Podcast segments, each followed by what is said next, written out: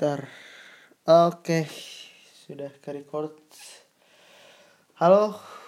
eh lo sekarang lagi dengerin eh Scam Podcast tanggal berapa sekarang? 20 26 26 Mei 2019 Eh episode 2 eh sek- eh, gue nggak sendiri sekarang eh, gue sama eh, bersama eh, teman gue eh, Lukman Halo, eh lu kuliah jurusan apa Bang?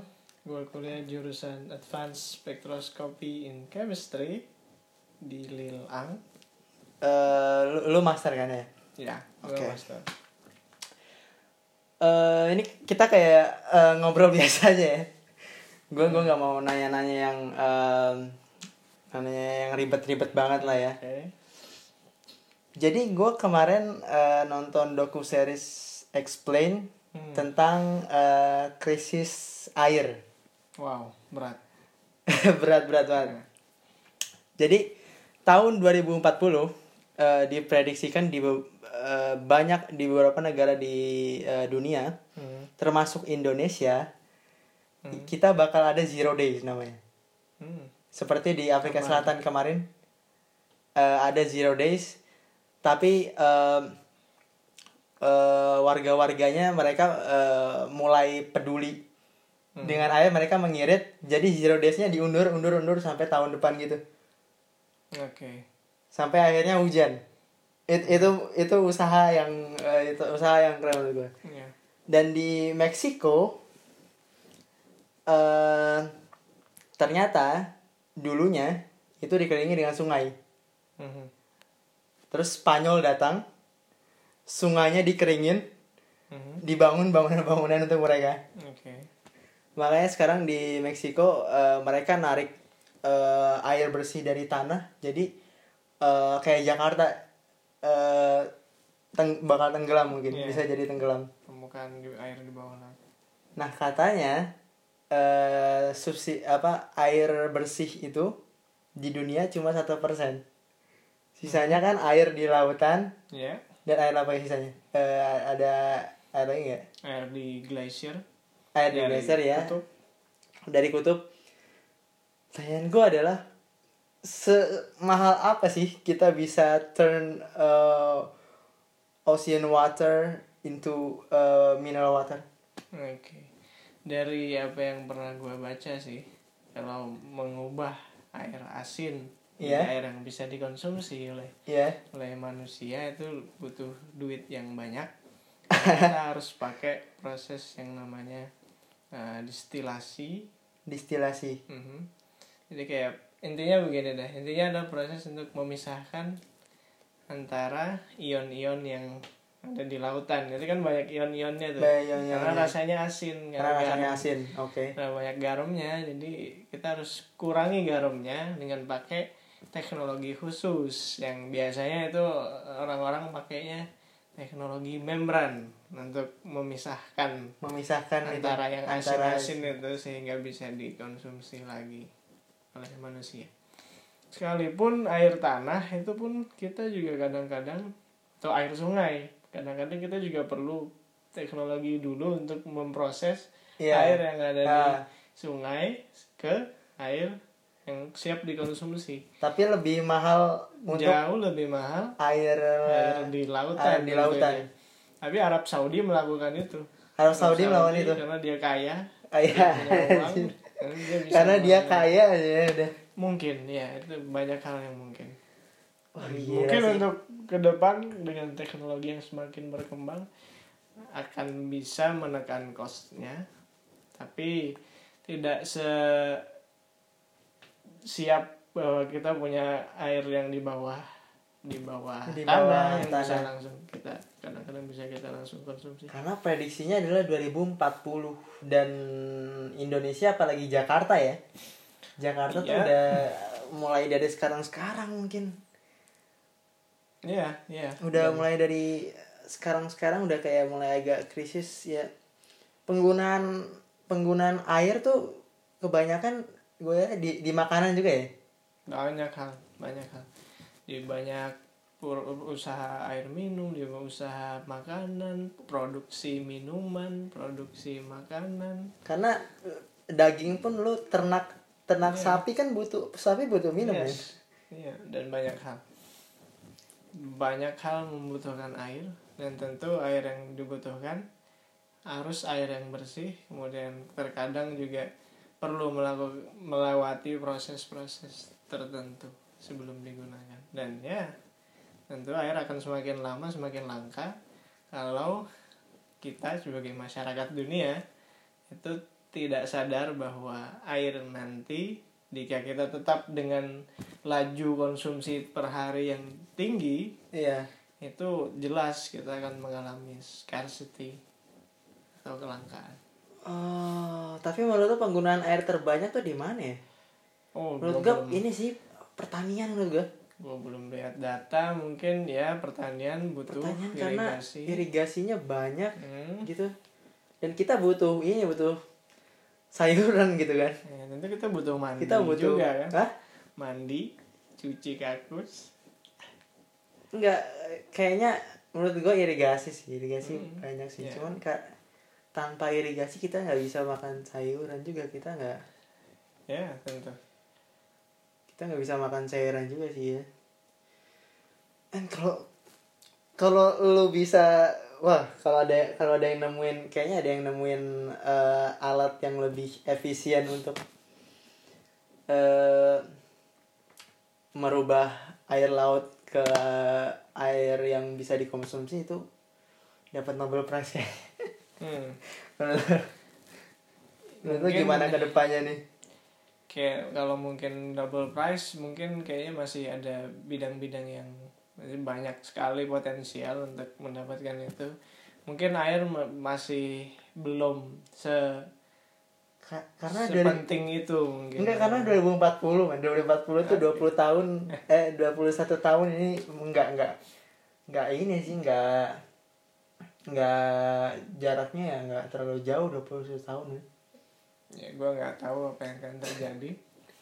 Mungkin tapi dengan dengan mungkin sekarang orang sudah paham ya dengan uh, kampanye dari PBB tentang SDGs Sustainable Development Goals yang salah Ya. satu isinya adalah untuk mengatasi masalah kelangkaan sumber air. Ini mungkin perlahan-lahan kesadaran dari masyarakat akan muncul. Dan ketika itu kita akan bisa menghemat.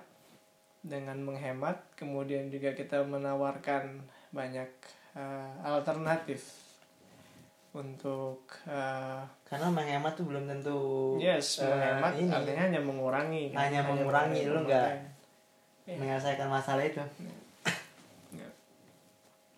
Dan kadang-kadang dengan teknologi yang baru sekarang kita pakai itu dengan meng- mengubah air asin jadi air yang bisa dikonsumsi kadang biayanya jauh lebih mahal. Iya, jadi mahal. Daripada dengan hanya membeli air sebenarnya. hanya negara-negara yang kaya Nah, yes dan kebetulan kan di Arab Saudi atau di negara-negara yang yang sangat kering yang sangat kering ya tidak ada pilihan lain hmm. tapi untuk negara seperti Indonesia yang saya kira cadangannya cukup banyak di kawasan barat ya di kalau kawasan barat. timur kita masih cukup kurang kurang dalam dalam beberapa daerah seperti Nusa Tenggara Timur, Papua. nggak ada yang lu pernah ngajar di sana gimana Iya, tuh? gue pernah ngerasain hidup di sana dan Gimana hidupan di sana? Air, air, air. air luar biasa susah, harus Iya. ngantri. Itu ta- tahun untuk berapa? Dapat air itu Tahun berapa? tahun 2015. 2015 Ya, masih. masih kalau musim kering itu parah. Karena kita nggak mandi di dalam satu. Lu lu nggak lu pak Iya. lu ngerasain gitu nggak mandi gitu? harus nggak mandi. Harus nggak mandi ya? Dari mana dapat? Gila.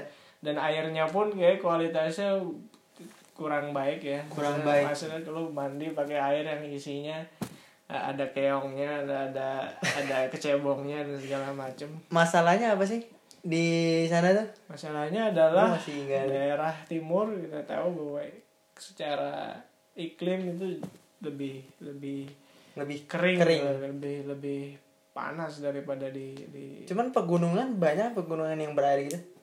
ya pegunungan ada gua bukan orang geologi atau Iya, iya, iya, geografi iya. ya gua bakal ngomongin tentang tentang gimana Gimana eh, topografi atau ya, oke oke suatu oke. daerah tapi gue merasakan sendiri dan itu tidak mudah Nggak mudah. tapi ada air ada tapi sulit apalagi di daerah yang dekat pantai karena kita tahu masalah air bersih di daerah yang ada di dekat pantai itu biasanya sulit dan Ya. gua waktu itu ada di daerah dekat pantai Ya. Kalian harus eh, denger denger yang tadi ya. Menurut gua kemarin ada ribut-ribut ribut-ribut demo tuh kurang penting. Yang penting tuh air, man. Lu demo demo tentang air menurut gua. Jadi Gimana cara kita solusi dari pemerintah gimana gitu cara eh, agar subsidi air ini tetap jalan yang menurut gue lebih berhak demo tuh orang-orang timur sana daripada lu, lu yang iya. eh, demo tentang eh 02 harus menang apa gue gak akan bahas politik cuma yang gue pikir bahwa kita Ah. mungkin belum bisa adil di di dalam pemerataan ekonomi kemudian di daerah-daerah timur kemudian di daerah-daerah. Kebetulan gue lahir di Banjarmasin. Gue merasakan bahwa Banjarmasin pun kadang-kadang tidak sesuai dengan apa yang gue harapkan sebagai Nah, sebagai provinsi penghasil batu bara yang besar. Kadang-kadang kami pun mengalami biarpet atau pemadaman listrik bergilir. Wah gila Nah, ya. dan itu adalah adalah kenyataan yang ada di masyarakat Indonesia. Karena kita negara yang besar nah, jadi wajar lah. Dan kita juga masih muda dalam hal demokrasi. Dan ini pembelajaran juga buat kita. Iya. Dan tentu banyak hal yang perlu diselesaikan. Dan kita sebagai anak muda harus mulai untuk sadar. Ya karena Sesu- menurut gue yang penting adalah lu bahas yang lebih penting lebih penting ya adalah energi itu kan energi yang kita konsumsi daripada lu membela mati-matian tentang seorang tokoh politik yang belum tentu memberikan solusi untuk sustainable ini energi ini kan Iya. Ah, gila sih ini. Eh, Oke kita eh, ganti topik sekarang. Em, kemarin eh, lu bilang eh, kalau eh, kita sebagai manusia eh, nggak bisa travel back. Wih, jauh banget. Emang jauh-jauh. Dari Emang kita air dari air ke Waktu. time travel. Kita nggak bisa eh, balik ke masa lalu. Jelasin kenapa? Oh ya, ini menurut apa satu publikasi yang gue baca ya. Ini karena salah satu konsep yang dinamai konsep entropi atau ketidakteraturan suatu keadaan. Jadi biasanya ketidakteraturan hanya akan menaik, tidak pernah akan menurun. Jadi dia akan menjelaskan tentang konsep arah gerak waktu yang hanya menuju satu arah Satu arah satu doang. arah dan itu adalah ke depan Ke depan. masa depan Oke. dan tentu memang ada beberapa eh, ilmuwan yang berpikir bahwa ketika seseorang bisa travel atau berjalan dengan kecepatan mendekati kecepatan cahaya Iya. dan kemudian dia memasuki satu ruang yang di- disebut dengan wormhole dan dia punya kesempatan untuk bisa Dan- traveling Wormhole-nya tuh di mana? wormhole? Nah Allah alam. Gua nggak ngerti. Dan itu salah satu bagian di universe kita atau di alam semesta kita yang kalau itu kita bisa masuk maka kita punya kesempatan. Belum tentu juga sih sebenarnya. Belum tentu kan? ya Cuman menarik kalau ada ada eh, paradoksnya kalau eh, paradoks eh, membunuh kakek lo. Ah, oke, ya, itu kalau sih. misalkan eh, kita bisa travel eh, travel ke masa lalu, ada paradoksnya yang kemarin tuh kayak eh, lu travel back ke masa lalu, lu bunuh kakek lu terus lu nggak Hmm. Ada gitu di masa depan. Itu Iya. menurut lu eh, secara logika bisa di ini gak sih menurut lu kalau misalkan ada nih kalau misalkan ada itu bisa benar terjadi apa enggak Ah ya, jadi gue bahas dulu tentang itu cerita paradoksnya ini. Paradoksnya ini kan isinya adalah bahwa ketika kamu kembali ke masa lalu, Iya. dan di, di waktu di mana kakek kamu lahir, kamu bunuh kakek kamu, maka otomatis bapakmu tidak bisa lahir, kamu juga Iya. tidak akan bisa. Iya, kita Nah. semua ada gitu. Ketika itu dibuat, paradoks itu dibuat, sayangnya itu tidak memperhatikan eh, kondisi bahwa sebenarnya elektron pun atau atom yang kecil itu pun ternyata sifatnya juga sudah aneh duluan. Maksudnya adalah dia atom itu ternyata atau elektron Hmm. itu bisa bersifat sebagai eh, materi Tapi juga bisa juga bersifat sebagai gelombang. Nah, dia itu tidak jelas. Ketika gua akan gua akan perkenalkan tentang ada yang namanya asas Heisenberg.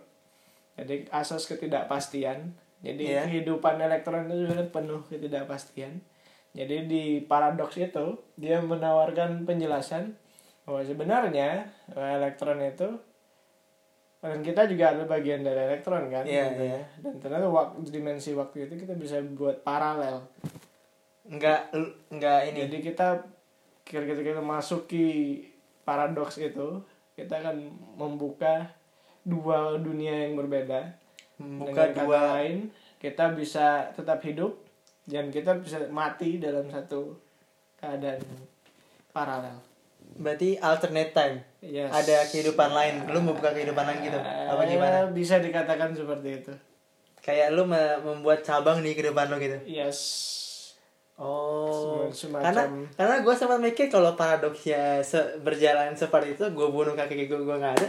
Eh, mungkin ada apa ya saintis yang gila tiba-tiba menemukan tahun eh, Adam dan Eve datang terus mereka bunuh terus kita nggak ada gitu gimana? bisa jadi Itu bahaya banget gitu kan? gue lebih tertarik kepada eh, penelitian ada penelitian terbaru yang yang menemukan bahwa ada partikel yang bisa dipindahkan dari satu tempat ke tempat yang lain dan partikel ini masih sangat kecil sekali tapi ini merupakan satu jalan pembuka bagi manusia untuk bisa transport atau teleportasi dari satu tempat ke tempat Oh lain. ini teleportasi. iya Oke. jadi Oke. Kas- Untuk- Ini mungkin banyak kalau misalkan ada mungkin eh, perusahaan-perusahaan Airbus gitu Iya, gitu. iya, itu mungkin iya. bakal mengecam gitu ya. iya Lu, lu jangan buat teleportasi nampaknya ini masih Dampaknya ya masih mengecam gitu ya. ya bahaya juga sih menurut gue. Kayak pernah gue liat kayak eh, ada yang nemuin eh, fuel dari ini apa namanya air. Itu benar dari nggak sih? air itu memang sudah Itu- ada Itu sudah ada. fuel dari air bukan sebenarnya yang kita bayangkan bahwa fuel dari air itu dia pakai konsep yang namanya fotolisis air jadi ya? kayaknya kalau gue jelasin di sini sih iya, bakal- iya. jadi bisa dari air Bisa Sebenarnya dari bukan- air. cuma bukan hal yang sederhana dengan air itu kita butuh banyak kompartemen khusus Berarti mobilnya juga nggak ini. eh kendaraannya nggak Kendaraannya tanpa polusi, hanya melepaskan molekul air sebagai hasil buangan. A- ada nggak mobil yang ini mobil yang pakai itu sekarang Sudah ada mungkin di Beberapa. negara Eropa. Gue nggak tahu persisnya ya. Jadi dia, pakai pakai eh, namanya fuel cell. hmm? Jadi dia pakai air sebagai bahan baku utamanya. Dengan Hmm. prinsip yang namanya eh, fotolisis. Nanti dia bisa menghasilkan energi atau arus listrik dari air itu dari sendiri reaksi kimia yang ada di air. Oke Sebenarnya bukan karena airnya, tapi reaksi kimia yang ada di air dengan bantuan beberapa kompartemen khusus, bahan-bahan khusus. Tetap mahal. tetap Karena mahal Bahan, bahan untuk membuat itu juga cukup mahal. oke Sama seperti panel surya yang mungkin rada-rada sedikit lebih mahal daripada energi-energi yang terbarukan lain seperti air. jadi eh kita melihat eh air sebagai hal yang kelihatannya praktis untuk dipakai Yes. untuk eh, fuel kendaraan-kendaraan kita tapi juga masalah harga juga menghambat ya Bro. Iya, jadi- karena eh, ini ya apa namanya eh, proses untuk itu jadi energi Hmm. untuk kendaraan eh, susah masih Ya, masih perlu perlu perlu uang.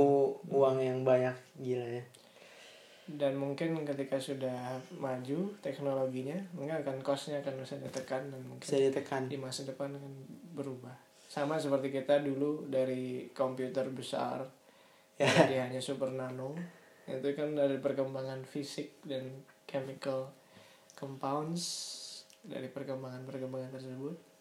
Bahkan dulu kita nggak ngerti gimana cara eh, bikin buah-buah yang bisa tanpa biji dan segala macam. Oh iya Ada- sama biji. dulu kita belum ngerti tentang genetika dan segala macam. Sekarang itu sudah berubah. Dan Sekarang mungkin udah- 10-20 tahun lagi dunia akan juga berubah lagi. Sekarang udah tambah gila. banyak hal yang perlu disiapkan. Eh tadi gue pengen ngomongin apa ya? Eh tadi gue pengen nanya tentang Wah, anjing gue lupa. Eh oke. Kita ke topik yang jauh banget nih. Yang Ah. masih abu-abu banget sekarang. Extraterre- extraterrestrial life. Lu percaya nggak? extraterrestrial life Yap. kalau gua mungkin percaya dalam hal bahwa kehidupannya itu dalam kehidupan konteks kehidupan yang sederhana bukan konteks konteks yang rumit kayak kita manusia kan dalam hal biologi Iya, yang iya. kompleks Kita ya. kompleks banget. kalau mungkin dari sel bakteri atau yang sel-sel kecil mungkin ada kemungkinan Karena berarti lu eh, menganggap bahwa eh, itu hal yang biasa sebenarnya hal yang biasa bahwa tapi lu menganggap eh, ada civilization yang lain tapi lebih kecil tapi dan tidak semaju kita gitu. tidak semaju kita tentu Karena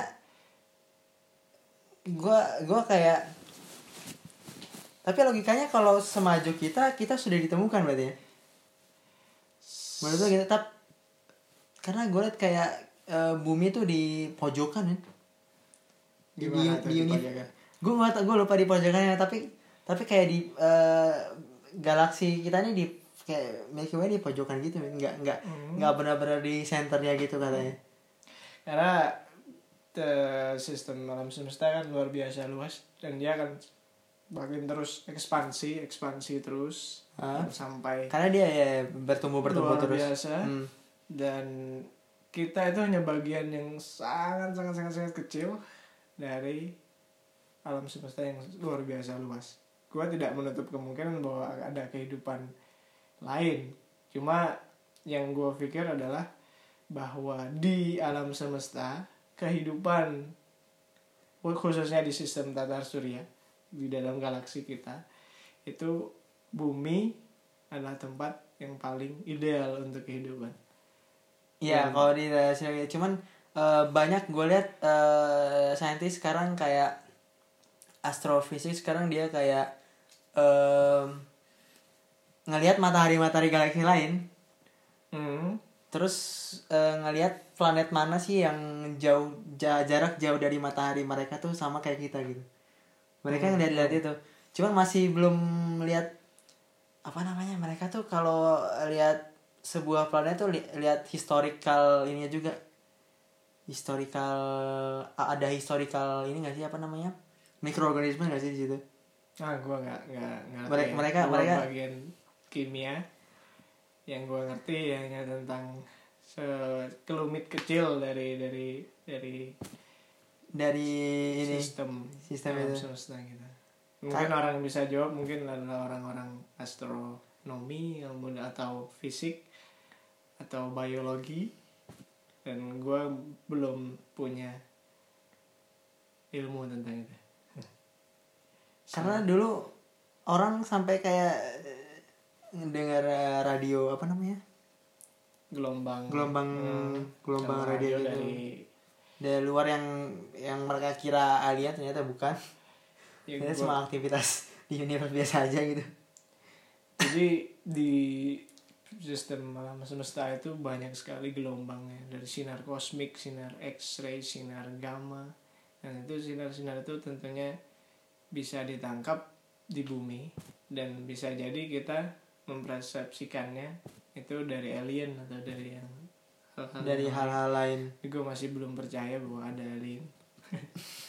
Bagi gue berarti lu masih menganggap uh, civilization di bumi ini mak- paling maju lah ya? Ya paling maju walaupun ada mereka masih berkembang dan, dan, itu pun mungkin ada beberapa teori bahwa kitalah yang membawa uh, kontaminasi sel-sel kita ke Ke- bulan atau ke Mars Anjir. dengan Range Rover yang kita bawa ke Mars wah kita bisa me- Wah, mengkoloni istilah mengkoloni kita di uh, bagian bumi lain itu Ya, itu gila ya, sih ya. teori ya. Dan yang gue tahu adalah bahwa bumi ini atmosfernya luar biasa sesuai untuk kehidupan tekanannya Hmm. gravitasinya. Itu tidak se ekstrim yang ada di planet Merkurius, planet Mars dan planet yang lain. Sekalipun itu lebih jauh dari matahari seperti planet eh, beberapa planet exo. Dan ya bumi punya air yang luar biasa. Ya. Nah itu itu adalah kunci kehidupan air. Ya ingat Kemudian 2040 kan gas oksigen ya. Oksigen kita perlu. Bahwa di luar bumi kayak planet-planet yang lain itu kadang-kadang oksigennya ketinggian atau oksi- oksigennya Hmm. malah tipis banget. Banyaknya gas-gas yang berbahaya bagi manusia. So untuk kehidupan yang kompleks mungkin gue masih, Masih- percaya bahwa bumi adalah tempat. Hanya untuk kehidupan yang kompleks. Nggak ada kehidupan kompleks di inilah ya, di apa namanya? Di eh, di universe lain di galaksi lain. Gue tidak menutup 100% kemungkinan itu. Cuma sampai sekarang dengan teknologi yang kita bisa capai belum ada mungkin. Karena gue lihat eh, di Mars saja NASA tuh sejarahnya beberapa kali ngirim nggak nggak dapet nggak bisa nggak bisa landing karena anginnya kencang banget nih. Hah, itu dia Itu- butuh matematika dia butuh iya, iya. tentang angin. Kayak mereka harus lihat bagian mana dari eh, Mars yang bisa di landing dan anginnya nggak kencang gitu. Dan tentu mereka karena perlu- bisa hancur aja gitu deh. perlu banyak simulasi juga. Hmm. dan itu tidak murah menerbangkan roket ke sana dengan dengan perhitungan yang sempurna. Itu pun juga harus memperhitungkan banyak hal. Banyak juga di luar bumi rongsokan rongsokan satelit untuk menghindari itu kan asteroid juga. So ya. Kompleks dan perlu duit banyak. Dan bayangin gimana lu mau ngucurin duit banyak padahal di Amerika sendiri sekarang itu banyak yang seperti pola pikir Trump bahwa pekerjaan harus dibuka seluas-luasnya dana-dana yang tidak perlu mungkin juga harus dikurangi jadi itu itu mungkin jadi penghambat jadi penghambat tapi sekarang mungkin Elon Musk sudah ya berusaha Mas sudah udah ada SpaceX. ada SpaceX Hmm. Ah. Eh, eh, lu pernah cerita ke gua eh, gimana caranya eh, mata kita eh, melihat suatu benda dari sinar lo jelasin prosesnya gimana Wah, ini kayaknya proses yang benar-benar ini di fisika ya, di di fisika optik. Nah, gue akan bahas tentang apa yang orang kimia bisa jelasin. oke siap Jadi mungkin ketika eh, kita melihat melihat suatu benda dan suatu benda itu punya warna menurut perspektif mata kita. Artinya adalah ketika lu lihat warna merah, maka sebenarnya warna merah itu adalah warna yang sinarnya dipantulkan oleh benda itu. dipantulkan oleh Benda itu. Benda itu. Sehingga itu bisa ke mata kita. berarti gelombang merah gitu yang dipantulkan Yes. Kenapa? Karena ketika dia berwarna merah misalnya maka dia menyerap warna selain merah dia Oh, dia memantulkan dan warna merah dan itu dari eh, dari eh, gelombang sinar matahari itu kan. bisa gelombang sinar matahari bisa gelombang cahaya yang kita bikin sendiri bisa dari lilin atau dari Dari lampu atau dari lilin, oke. Oke. warna itu adalah bahwa relatif dari satu bahan tersebut artinya ketika dia bisa menyerap warna biru maka atau dia memantulkan warna biru maksud saya Berarti warna-warna lain yang diserap oleh benda itu. oleh mata kita Ya misalkan lu lihat eh, dinding eh, putih berarti warna-warna lain diserap oleh dinding itu selain warna putih yang dipantulin ke mata lu. Nah kalau warna putih Kalau warna hitam, putih, ini beda. perlu penjelasan Oke. Wah, kalau eh, benda hitam itu artinya dia menyerap hampir semua eh, gelombang cahaya. Oh, warna hitam Mhm. menyerap hampir gelombang. Makanya lu makanya kita, Karena kita kalau cepat kepanasan, cepat kepanasan. eh, misalnya pakai baju hitam, pakai baju hitam tapi panasnya karena atau jok eh, kendaraan kita biasanya sering kebakaran oke. dan kita sering ngeluh panas banget nih anjir kayak gitu. karena mereka menyerap semua eh, gelombang warna itu. Matahari hmm, dan ya warna hitam. Tapi dia dan putih adalah kebalikannya bahwa dia memantulkan semua warna memantulkan semua warna.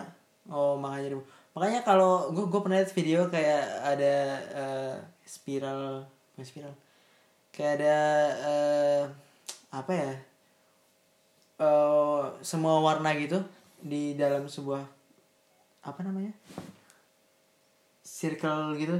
Apa itu? Benda hitam. Gak benda hitam lu kayak buat apa ya kalau misalkan ada Prisma. banyak eh, warna Ah. terus lu puter terus lu lihat semuanya itu putih gitu. Wah apa itu ya ya ngerti gue gue lupa ya pokoknya itulah. Pokoknya eh, lu eh pokoknya gue pernah dengar kayak warna putih itu kayak campuran dari semua warna bener gak sih? Ya. Campuran dari semua warna yang dipantulkan. Yang dipantulkan ke mata kita. Oke. Oke em, tapi lu pernah lu lu pernah mikir kayak gue gue gue pernah kepikiran kayak kalau kita nggak bisa melihat gelombang-gelombang kayak infrared gitu. Mhm. mungkin nggak extraterrestrial life tuh emang ada cuman kita nggak bisa lihat aja gitu.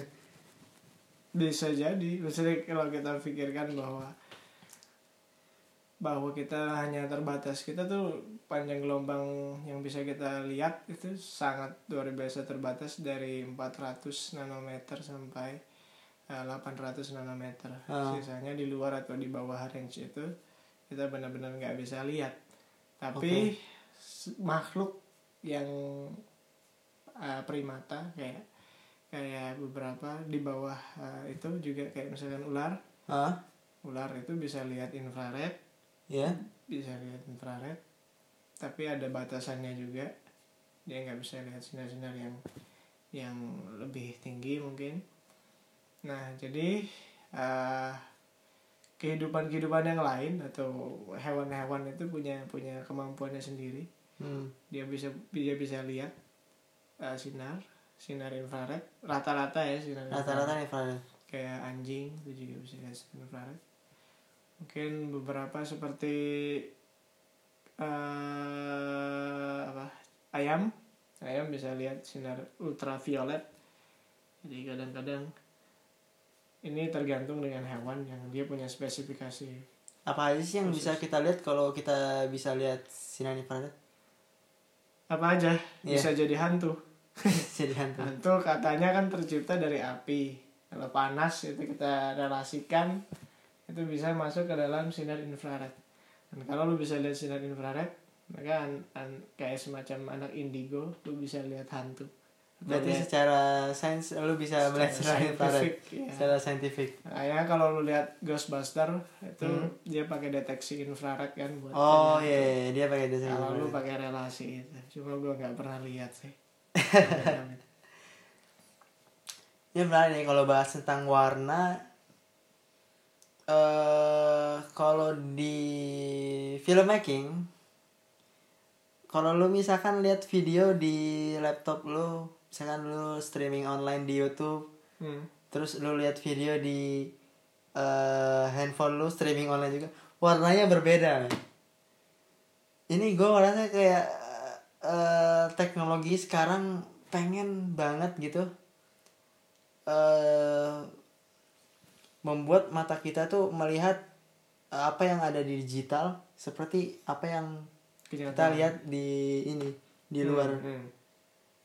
Ini kayak menurut gua bahkan sampai gue lihat ada kayak orang yang bikin game mode namanya game mode tuh batas eh, warna eh, range warna yang bisa didapat di layar laptop lu di eh, device apa pun itu laptop ataupun handphone lu ada ada game mode yang bisa sampai melebihi apa yang kita bisa lihat gitu Hmm, itu gila banget men. menarik. Oh, gila tuh gila. gila.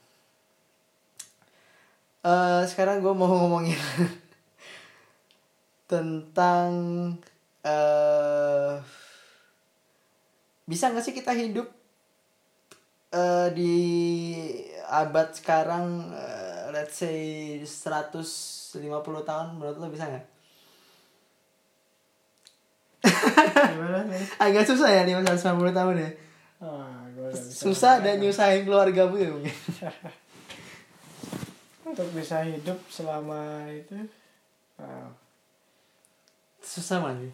dengan dengan tren kita sekarang yang ah, angka harapan hidup kita yang mungkin ah, tidak bisa lebih dari 90 itu mungkin agak sulit ya karena banyak sekali penyakit-penyakit yang Bermunculan. ber- berevolusi atau bermutasi menjadi menjadi penyakit yang belum bisa kita cari obat-obatnya. Itu agak sulit itu Oh, berarti, eh, harapan hidup. penyakit tuh ber, berevolusi ya dari zaman ke Ya, zaman ya. tentunya. Dia akan beradaptasi sama seperti manusia. Makanya- Kayak semacam virus-virus flu sekarang. Hah? dia kan juga beradaptasi dengan dengan dengan inangnya. Seperti kita manusia dia akan belajar tentang perubahan dari sistem kekebalan tubuh manusia kemudian Hmm. berkembang sehingga kita perlu tahu jenis Iya, kayak- perawatan atau treatment untuk penyakit yang muncul Kayak programming jadinya ya, kayak belajar eh, sistem imun kita terus berevolusi untuk menembus itu berarti. Ya sih. Hmm. Kayak berarti orang-orang yang hidup di zaman-zaman eh, awal-awal eh, civilization di eh, manusia ini dia hidup lebih lama deh. Menurut tuh bisa sampai ribuan ya maksudnya. yang zaman dahulu kalah Iya. Iya. Sebelum inilah BC lah ya century. dalam hal mungkin kekuatan ototnya karena kehidupan di zaman dahulu kan luar biasa menantang daripada kehidupan kita sekarang itu bahaya yang mereka hadapi itu jauh lebih lebih fisikal ya daripada bahaya yang kita Bahaya yang kita hadapi sekarang. hadapi sekarang dia dia melawan beruang atau melawan hujan dia atau melawan berbagai pemangsa pemangsa mencari makan Oh iya kita berburu. masih masih Bahwa berburu kita, belum ya, bercocok tanam sih. Iya. dan masa berburu itu membuat otot-otot mereka itu kuat dan tentunya kalau misalkan mereka sering berolahraga Iya. atau beraktivitas secara aktif maka mereka biasanya lebih sehat. Tapi gua nggak ngerti ya tentang tentang ilmu kesehatan. Mungkin orang yang menjawab itu adalah orang-orang ahli di bidang kesehatan. Tapi itu kayak s- menurut gue sekarang orang-orang kayak hmm, makin gila untuk eh, hidup lebih lama tapi kayak hidup lebih lama pun menurut gue susah juga sih. ya karena lu butuh ya lu butuh pekerjaan yang lama gitu kan. Lu juga nggak tahu lu bisa eh, tahan untuk bekerja sampai eh, kapan gitu kan. Yes. Itu itu menurut gue eh, tapi banyak banyak orang yang takut mati gitu. Ya ya itu sifat banyak alami manusia. ya sifat alami kita kita kita takut mati dan kita mau hidup ya lebih ya lebih lama lagi lah. Walaupun hidup lebih lama juga nggak enak gitu kan lebih lebih lama nggak enak juga sih. Ya belum tentu bahagia. Belum Kayak- tentu lu bahagia. Karena Ya. kita akan menua dan kehilangan banyak kehilangan uh, ingatan karena semakin tua kita maka semakin menurun juga fungsi-fungsi ya penyakit juga berevolusi dan- gitu kan. yes. Tahun berapa sih kita cuma angka kehidupan cuma kayak eh, 40 40 tahunan gitu? Kayak itu mungkin kayaknya lihatnya dari kalau perang dunia saat perang dunia angka harapan hidup tuh luar biasa kecil karena karena lo tahu ada banyak perang dan juga waktu itu ada ada virus namanya flu Spanyol di Ah, kalau flu Spanyol. nggak salah di perang dunia pertama itu di perang, perang dunia pertama yang memakan banyak korban. Itu mungkin angka kehidup angka harapan hidupnya mungkin kecil. Kecil banget. Mungkin wallahu alam sih yang dulu dulu banget. Itu menyebar secara cepat ya? Iya. Wah gila sih itu itu gue sampai dengar kayak ada mm, aktris ya yang dilarang sama dokternya. Yang dilarang sama dokternya syuting gue lupa di film apa. Kayak dilarang sama dokternya syuting Hmm. dia tetap syuting bodohnya. Gue nggak tahu deh itu krunya pada meninggal apa gimana. Nah, ya gara-gara tersebar penyakit. Kalau nggak salah ya flu, flu Spanyol itu deh kayaknya. Ya kalau kita menghadapi outbreak atau atau penyebaran yang virus baru, kita akan takut karena kita belum tahu obatnya. kita belum tahu Tapi obatnya ketika kita sudah tahu, misalkan dulu kita nggak tahu obat demam, bahwa Alexandria atau Alexander Agung itu harus mati karena digigit nyamuk. iya Sekarang kita mungkin peluangnya kecil sekali, kecuali dengan beberapa virus malaria beberapa atau virus malaria demam berdarah yang Hmm. Tapi angka kehidupan kita masih cukup tinggi walaupun bahayanya juga tapi ya di masa depan nggak mau ya nggak menutup kemungkinan untuk virus-virus ini berkembang lagi Yes. sampai kita nggak tahu ini solusinya gimana nih untuk eh, menahan eh, membahas virus-virus ini. Itu tergantung apa yang kita makan dan yang kita makan tergantung apa yang kita buat.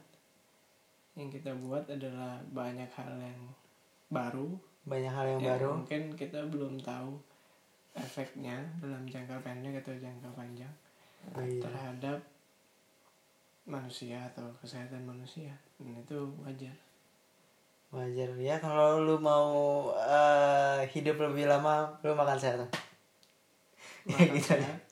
Walaupun belum tentu juga lu makan sehat mesti selalu ada resiko.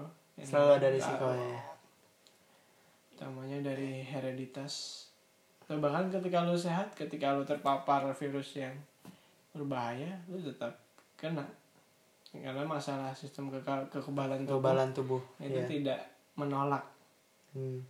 tapi menerima mungkin dengan waktu yang bisa bisa lebih panjang atau dengan perlakuan terhadap virus itu atau bakteri itu yang berbeda sehingga ya mungkin jadi tubuh lu bisa lebih kuat sedangkan orang lain tubuhnya tidak itu berarti lebih kuat. genetika?